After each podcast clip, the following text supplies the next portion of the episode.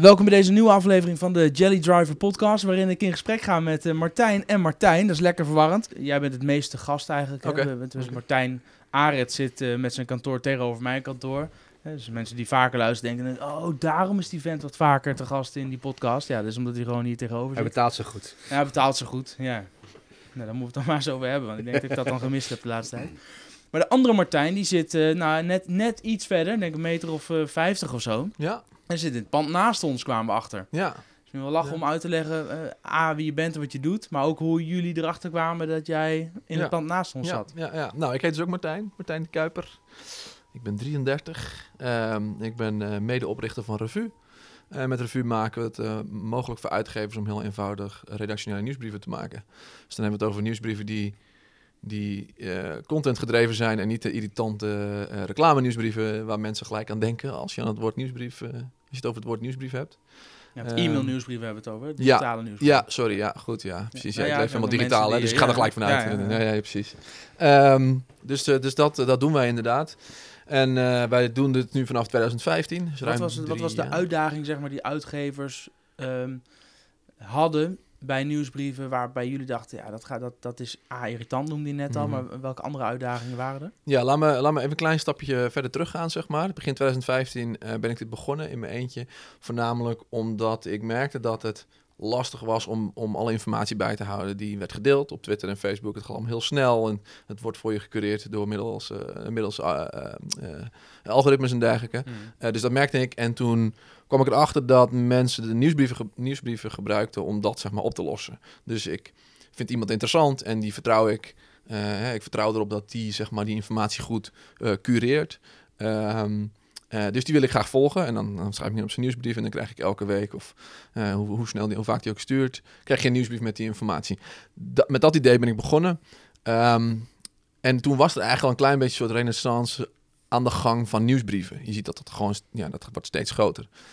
Daarmee begonnen en dat ging steeds meer over in soort persoonlijke nieuwsbrieven. Dus mensen, eh, dus dus de, ik heb een hekel aan het woord, maar thought leaders en experts, zeg maar, die, die zichzelf willen profileren op een bepaald gebied. Eh, dus een hele persoonlijke toon en heel, vanuit hun eigen naam en dergelijke.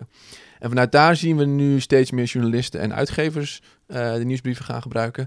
En dat is weer voornamelijk gedreven door dat, ehm, nou ja, we weten allemaal, eh, tenminste eh, wij, dat Facebook verandert heel erg. Hè? Dus het wordt steeds moeilijker voor uitgevers om hun publiek te bereiken. Ehm, en zij zien dat nieuwsbrieven daar ook een mooi middel voor is. Ja, Om 8% mensen- van je volgers, hè, als je fans hebt op een pagina, stel je hebt 1000 fans en je Ja. plaatst iets, dan is ongeveer 8% wat überhaupt die update in hun timeline krijgt. Hè? Precies. Dus, dus eh, het is niet eens de vraag of ze het zien, Ja, maar slechts 8%, 8% hè, 80 in het geval van 1000, Ja. heeft überhaupt die update in hun timeline en kan er iets mee. precies. En dat, dit is natuurlijk wel iets wat al een aantal jaren speelt. En zeker de laatste tijd zie je steeds meer gebeuren op, op, het gebied van Facebook. Ze voeren, eh, de laatste tijd hebben ze een aantal wijzigingen doorgevoerd. Die zeg maar eh, voornamelijk eh, eh, mensen met pages en dan voornamelijk dus niet en uitgevers ehm, eh, eigenlijk minder belangrijk worden. Ze gaan weer meer focussen op, op sociale interacties op Facebook. Dus alle uitgevers zijn nu van, oh, wat moeten we doen? Dus die zijn op zoek naar andere kanalen. En een van die kanalen is nieuwsbrieven. Ja, dan zijn er mensen die roepen, "Ja, maar e-mail nieuwsbrieven zijn, zijn toch hartstikke dood? Ja, dat is ook al heel lang gezegd en heel lang geschreven. En eh, zeker toen eh, Slack ineens heel groot werd, hè, zei iedereen, nou, Hoeven iemand, helemaal niet meer te mailen. nu hoeven we helemaal niet meer te mailen, et cetera. En ik geloof eigenlijk dat het juist alleen maar het verbeterd heeft. Want al die mailtjes van, hey, waar is deze presentatie of wanneer zullen we afspreken, dat is eigenlijk allemaal uit e-mail gegaan. En eigenlijk is er steeds meer ruimte gekomen voor, voor, voor interessante content in je inbox. Ja, dan ben ik advocaat van de duivel. Ik kan, Dat je zou kunnen zeggen, dat je zit dus veel minder in je inbox. Dus de kans dat je die nieuwsbrieven binnen... Ik heb Liam Choa een keer geïnterviewd over, eh, over eh, Snapchat. Mhm. En die zei, ja, e-mail marketing, hartstikke dood. Want ik kijk alleen maar op mijn e-mail als ik mijn Facebook wachtwoord vergeten ben. Nou ja, Liam, Liam is 19. Ja, Eh, dus misschien dat hij daarom, Klopt. inmiddels is hij 20 of 21. Maar, ja andere, andere Ja. leeftijdscategorie. Nee, dat klopt ook. Dus die, die jongeren zie je dit niet minder e-mail gebruiken, inderdaad. Maar uit onderzoeken blijkt wel dat mensen 's eerst een e-mail checken en dan pas hun social media. Eh, e-mail is echt zeker nog niet dood. nee, Eh, misschien, ik heb dezelfde vraag namelijk ook een keer gesteld aan de CEO van Greets.nl. Misschien is het Ja. leuk om even te luisteren wat die erover heeft gezegd. E-mail marketing, dood of springlevend? Springlevend. Want? Ik kijk naar mijn cijfers en eh, dan zie ik dat het springlevend is. Ehm, we staan wel met z'n allen voor de uitdaging om daar veel relevanter te worden. En, en als je hem anders formuleert, Eh, bulk e-mail dood of springlevend? Nou, dan is mijn antwoord dood.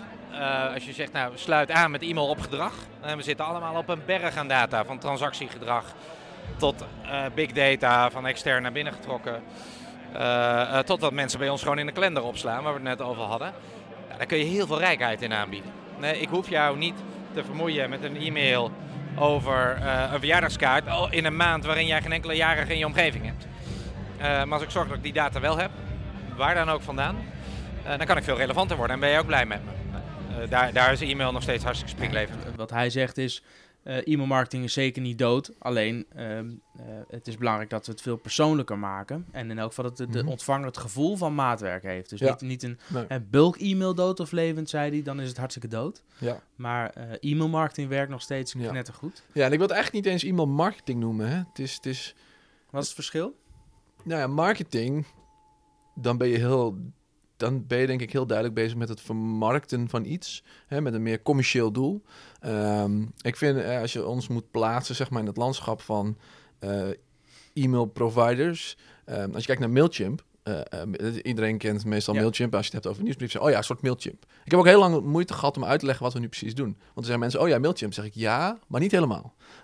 en je ziet ook dat Mailchimp nu zeker de laatste drie jaar beweegt steeds meer richting marketing, hè? dus via richting uh, commercie. Dus hoe zorg ik dat ik zoveel mogelijk producten kan verkopen? Dat is eigenlijk waar ze mee helpen. Dat staat ook gewoon nu op een voorpagina. Ze noemen bijna e-mail niet eens meer.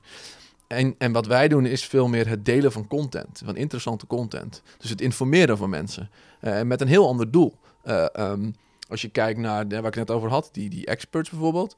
We hebben best veel mensen op ons platform die freelancer zijn. En die eigenlijk soort top of mind willen blijven. En daar heel veel opdrachten uithalen, zeg maar. Dus die, die ROI, die, die is veel, veel anders dan... Oké, ik stuur nu een nieuwsbrief met daarin producten... en ik kan zien hoeveel mensen klikken en hoeveel mensen converteren. En, dat, en als je dan kijkt naar uitgevers... die zijn echt bezig met hun publiek bereiken. Dat meer mensen van hun content lezen. Of ehm, ja, dat ze gewoon zeg maar, een, een, een autoriteit zijn op een bepaald gebied... of of in het nieuws of nou ja, whatever ze, ze delen. Ja, switch ik even naar de andere Martijn, Martijn Arets.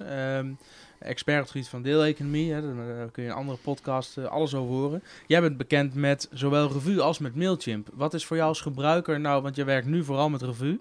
Ja. Wat is voor jou bijvoorbeeld reden om um, Revue in te zetten en niet Mailchimp om jouw doelgroep op de hoogte te houden? De eenvoud. Eenvoud? ja, dus uh, wat me gelijk aansprak is, is dat... Kijk, wat ik doe is, ik geef een, uh, een wekelijkse nieuwsbrief uit. Uh, via, via, via Revue, nu al twee jaar. Ja. En dat is maandag. En iedere maandag om acht uur gaat hij eruit, of tien uur voor acht als ik me heb verslapen. En wat ik daar doe is iedere keer vijf artikelen bespreken over platformeconomie en die voorzien van mijn uh, duiding en commentaar. Ja, je zegt eenvoud. Wat maakt de revue dan zo makkelijk als je het vergelijkt met een Mailchimp of, of uh, Aweber? Je hebt natuurlijk al die. Ja, je hebt, je hebt bijvoorbeeld een plugin voor, voor Google Chrome.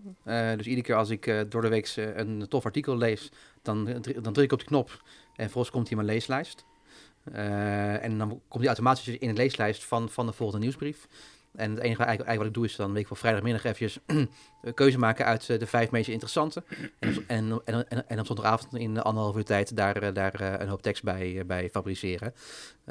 en juist die eenvoud, dat je ook niet heel veel opties hebt dat, dat, dat, dat trof me heel erg aan. Want uiteindelijk, zeker in mijn geval, ik ben niet iemand van structuur. Uh, dat weet je, ik heb het langer dan vandaag. Ja. En eigenlijk het feit dat ik al twee jaar lang iedere week een nieuwsbrief uh, publiceer, dat, is, natuurlijk redelijk, staat redelijk haaks op, op wie ik ben.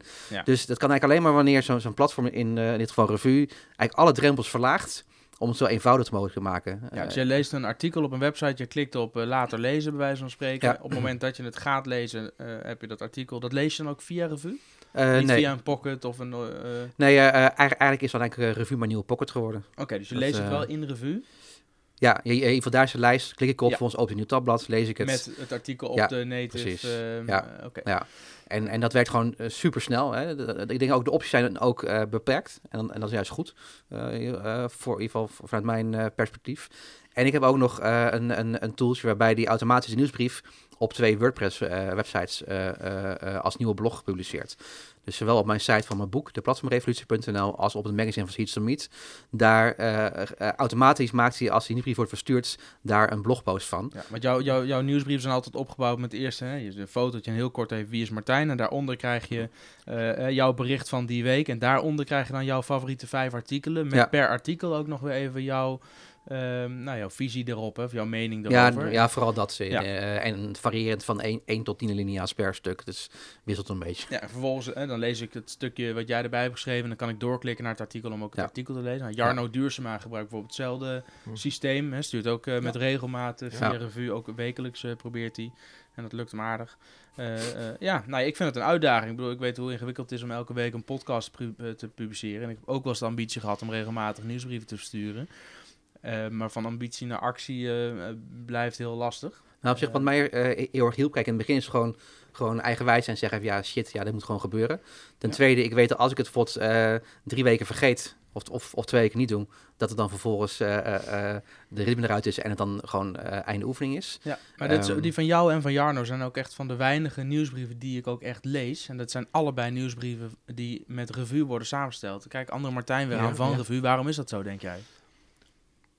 Ik denk dat het weer, weer aanhaakt bij waar ik het net over had. Hè, van waar is revue voor? Die is niet om, om- producten te promoten of om bedrijven te promoten. Het is om ja, wat we noemen redactionele nieuwsbrieven te maken. Dus content-gedreven nieuwsbrieven. Die je ook wil ontvangen. Want je, je hebt je daarvoor ingeschreven met het idee... hey, dat is interessant. Dat wil ik wel echt ontvangen. En ik denk dat dat, dat, dat zeg maar... Natuurlijk hè, komt het ons platform, dat we zo'n geweldig platform hebben. Maar het is ook inherent aan het type nieuwsbrief wat, wat verstuurd wordt. Hè, dus dus ehm, die nieuwsbrieven werken ook heel goed in niches, zeg maar. Zij schrijven over een bepaald onderwerp. Dat vind jij interessant, dus je schrijft je in. En dus als je kijkt naar Mailchimp, en ik weet dat dat heel groot is, maar zij, zij publiceren altijd hun open rates per, zeg maar, eh, eh, sector. Als je kijkt naar de publishing sector, bij hun doen ze ongeveer 2, 23% gemiddeld open rate. Bij ons is dat 50% plus. Eh, dus je ziet daar nieuwsbrieven met heel veel eh, eh, subscribers, die zeg maar 60, zelfs, zelfs 70% open rate doen. Ja. Ja, dat is Ja, ik natuurlijk... zeg je, bij revue zie je dat veel mensen met minder subscribers meer lezers hebben. Ja, zeker. Zeker. En iedereen is altijd heel erg bezig met hoe krijg ik meer subscribers en weet ik dan. Maar wij zeggen altijd, doe nou maar rustig aan. Zorg nou maar dat je gewoon een, een, een, een mooie, eh, mooi aantal echt trouwe volgers hebt. Weet je, we gaan vanuit daar verder bouwen, zeg maar, in plaats van... Ja, en toch dat verder bouwen, want ik denk dat dat eh, inderdaad bij heel veel mensen leeft. Stel, hè, je werkt met revue of met Mailchimp of met een ander systeem. Wat zijn nou wel tips om toch meer volgers en inschrijvingen te krijgen? Ja, dat is een veelgestelde vraag en dat is een hele moeilijke. Want dat verschilt natuurlijk ook weer heel erg per, per, per ja, type nieuwsbrief of type persoon. Ehm, eigenlijk de meest algemeen, het meest algemene advies wat altijd geven is gebruik de kanalen die je al hebt. Veel mensen, en dat klinkt heel logisch, maar plaats het op je Twitter, plaats het op je Facebook, plaats het op je website. Promote het op die manier.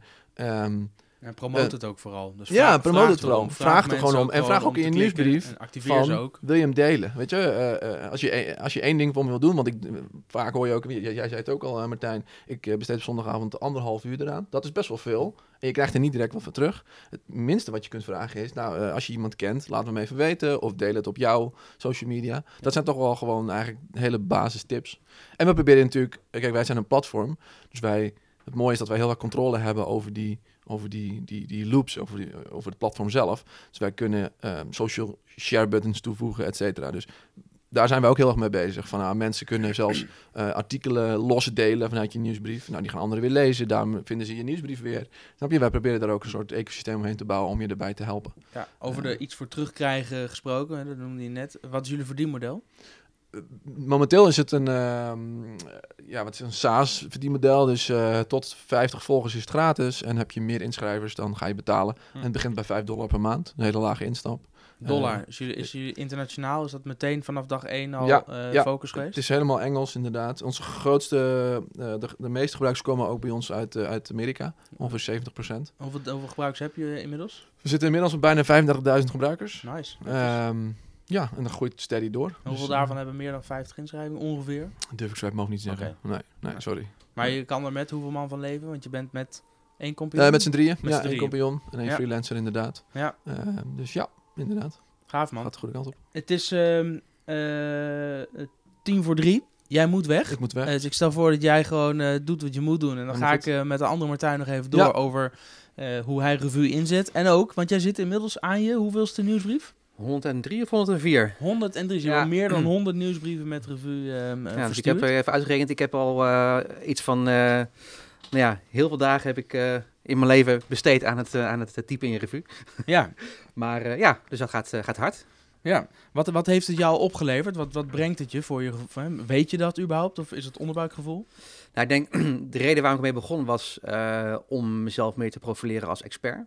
Ik merkte dat ik heel veel wist, maar niemand wist wat, ik wist. Eh, en dat is ook business-wise niet heel erg, eh, heel erg handig. Maar uiteindelijk, eh, gedurende de rit, merkte ik eigenlijk wat eigenlijk voor mij de grootste waarde is, is dat ik ehm, eh, door die weekse nieuwsbrief mezelf dwing om veel te lezen.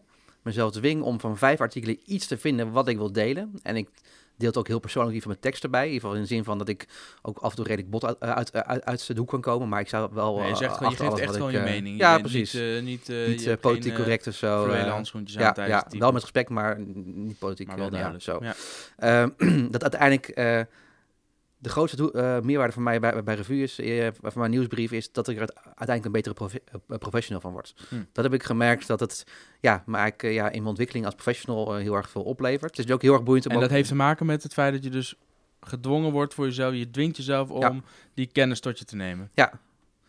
ja, het is gewoon een, een, een soort van, van, van flinke stok achter de deur. Ja.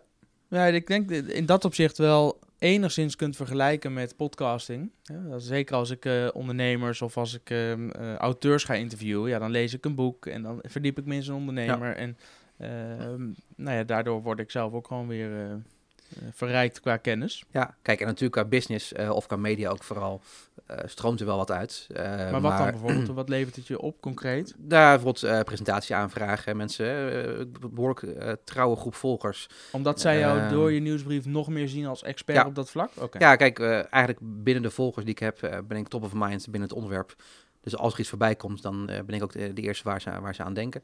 Zo bijvoorbeeld gevraagd om, om, eh, om, eh, om een, een, een leergang uh, platformeconomie te ontwerpen voor een, voor een nieuwe business school. Hm. Presentatie aanvragen, maar ook bijvoorbeeld media. ook best wel media die mij, geval journalisten die mij volgen. En bijvoorbeeld vanuit BNR, als er dan iets gebeurt rondom Uber of Airbnb, dat ik dan in de uitzending mag komen. Dat zijn dingen die er extra bij komen, maar ehm, voor mij niet de primaire reden om het te doen. Maar wel natuurlijk een, een, een mooie, ja, een mooie bijvangst. Want je selecteert vijf berichten die je deelt, maar hoeveel berichten sla jij gemiddeld per week op waar je dan een selectie uit moet maken? Ja, verschilt heel erg. Sommige weken moet ik echt zoeken. Zo van, ja, shit jongens. Ga ik ja, nou eens delen? Waar, waar kom ik aan vijf goede stukken? En soms heb ik er tien. eh, die, die eigenlijk ja, deelwaardig zijn. Dus het verschilt wel heel erg per, eh, per week. En eigenlijk qua ehm, eh, tekst erbij eh, heb ik meestal twee of drie stukken waar ik echt heel veel bij typ. Soms echt wel bijna een A4'tje. En eh, dan, dan, an- ja, dan, dan de overige een kort stukje erbij. Maar over het algemeen zie ik ook, als ik ook kijk in mijn, in mijn, in mijn, in mijn history van mijn, van mijn nieuwsbrieven, ben ik wel steeds meer erbij gaan, gaan typen. Omdat het ook vaak gewoon een soort van hardop denken, hardop analyse en een soort van, van ja, gedachte-experimenten zijn. Die ik Hoeveel, dan gewoon deel. ja. hoeveel volgers heb je of hoeveel abonnees heb je op je nieuwsbrief? Voor mij is van 300. En wat betaal je Ehm, daar dan? Hè? Want het begon na 50 moet je gaan Ik betalen. heb echt geen idee. Je weet het niet. Nee, nee, dat boeit me ook niet. Ja, kijk. eh, Oh ja, eh, dat, maar dan, eh, het feit dat je zegt het boeit me niet, dat maakt, Nee, dan, maar je aan het af, dan, dan valt het dus mee wat je ervoor betaalt. ja, het is van, het, van eh, 80 euro of 100 euro per jaar of zo. per Dat, jaar, ja, dus dat, nee, dat, nee, dat is te verwaarlozen. Ja, precies. Nee, dat, dat, dat vind ik het absoluut, absoluut waard. En daarnaast deel ik hem ook natuurlijk via, via social. Eh, daarnaast komt hij ook natuurlijk op een paar websites automatisch. En die... Maar deel je dan de nieuwsbrief, zeg maar, linkje op social door naar een re- revue? Of plaats je hem op je eigen blog? Hè? Want je hebt daar een koppeling tussen. En deel je hem vervolgens, deel je dat vervolgens op social? Nee, vanuit revue. Eh, want het, Maar dan mis je het verkeer. Maar dan gaat eigenlijk het verkeer gewoon naar revue. Heb je niet liever Ja. dat die mensen gewoon op jouw site komen, zodat ze daar ook zien wat je verder allemaal doet en misschien wat tracking pixels, dat je ze kunt Nee, ja, want dat eh, ja, zaken. misschien klinkt het wat, wat, wat boerenlullen, maar als ze me googelen vinden ze me ook wel. eh, dus, nee, eh, want, want, want wat, wat ik ook wel mooi vind is als je naar de revuepagina gaat, dan kom je ook op die homepagina en daar zie je eigenlijk het, het, het archief van die 100 eh, nieuwsbrieven heel erg mooi staan. Dus dat geeft je Ja, ook je gelijk natuurlijk- weer. zou je op je eigen site ook kunnen doen. Ja. En dan laat je ook daar zien. Het is meer, ik kan me voorstellen dat mensen op jouw eigen site nog meer kunnen zien wie je bent en wat je doet. En dat je mensen nog beter kunt verleiden om nog eens door te klikken en eh, contact met je op te nemen, bijvoorbeeld. Ja, klopt. Dan, eh, ja. ja. Tenminste, ja, dat is meer. ja, ik, ik probeer altijd het verkeer naar mijn website toe te krijgen. En, en, en, en niet door te linken naar een, eh, een post op LinkedIn bijvoorbeeld. Maar Mhm. diezelfde post gewoon ook op mijn website plaatsen en daar dan op de andere kanalen naar verwijzen. Ja, ik denk, eh, kijk, eh, het voordeel natuurlijk van hè, eh, wat ik al had over laagdrempeligheid. Het voordeel is nu, ik ben alleen maar in revue bezig. En vervolgens, als ik dan klaar ben, zeg ik van oké, maandag rondom eh, om 8 uur eh, mag hij eruit. Eh, en daarna kijk ik niet meer naar om. Het enige waar ik af en toe naar kijk zijn de, zijn de, de, de analytics van, goh, wie hebben waarop geklikt en, en hoe vaak is hij geopend. Ja, en je zegt wie? Kun, hoe kun je, dat- kun je ook, dan zie je gewoon de e-mailadressen. Ja, je kunt dat Die- zien. abonnee- welke abonnees hebben welke artikelen doorgeklikt? Ja, je kunt zien dat ze wie hebben geopend en wie hebben geklikt. En uiteindelijk, maar kijk, mijn, mijn nieuwsbrief is niet zozeer echt eh, bedoeld om op door te klikken. Want in principe, als je gewoon de teksten bijleest, weet je genoeg. ja, dan weet ik jouw Ehm, meningen. Zo, ik merk Ja, maar dus het is ook ik- vaak een mening pl- plus een samenvatting. Ja. Eh, ik denk, eh, veel mensen die ik spreek vinden dat eigenlijk wel voldoende. genoeg. Maar is Ja, nog, af en toe eh, klik je eens door. Van, ja. Wat is er nou precies aan de hand? Maar, Maar is nog iets van een percentage van, gemiddeld iets van 20% of zo, wat, eh, wat er ergens op klikt. Ja. Dus dat is ook wel is prima volgens mij. Zeg, hartstikke prima. Ja. En met opening zie ik iets van, eh, ja, net iets boven de 50. ja, dat is netjes. Dat is heel netjes. Ja, goed. En misschien leuk om af te sluiten met een anekdote. Want hoe, kwamen wij, hoe kwam jij er nou achter dat eh, de andere Martijn zo dicht bij ons zat met zijn kantoor? Ja, op een gegeven moment was het eh, nou, op mijn kantoor tegenover die van jou. En ik eh, opende mijn wifi-voorkeuren. en opeens zag ik daar een, een eh, Get Revue wifi-netwerk. Ja, jongen, what the fuck. Dus ik eh, ga naar eh, de revue en ik open het uh, chatvenster. Ik zeg, jongens, gasten, waar, waar zit jullie eigenlijk? Ik zei, ja, hier op de Europalaan eh, 500. Ik zei, nou, mooi, ik 400. Ik zei, kijk eens naar buiten toe. Dus vervolgens eh, zie ik een gast opstaan en eh, nou, de hand gaat omhoog. Dus En, vervolgens eh, stonden jullie gewoon naar elkaar te zwaaien vanaf het ene kantoor naar het andere kantoor. En jij gebruikt die tool, dus al 100 plus nieuwsbrieven Ja. per week. Dus eh, al twee jaar of zo. En ehm eh, nou blijkt je gewoon eh, overburen te zijn. Ja. Erg grappig. Ja, klein wereldje letterlijk. Klein wereldje. Heb je alles verteld wat je wilde vertellen? Ja, volgens mij wel. Nou, dan zeg ik eh, tot de volgende podcast.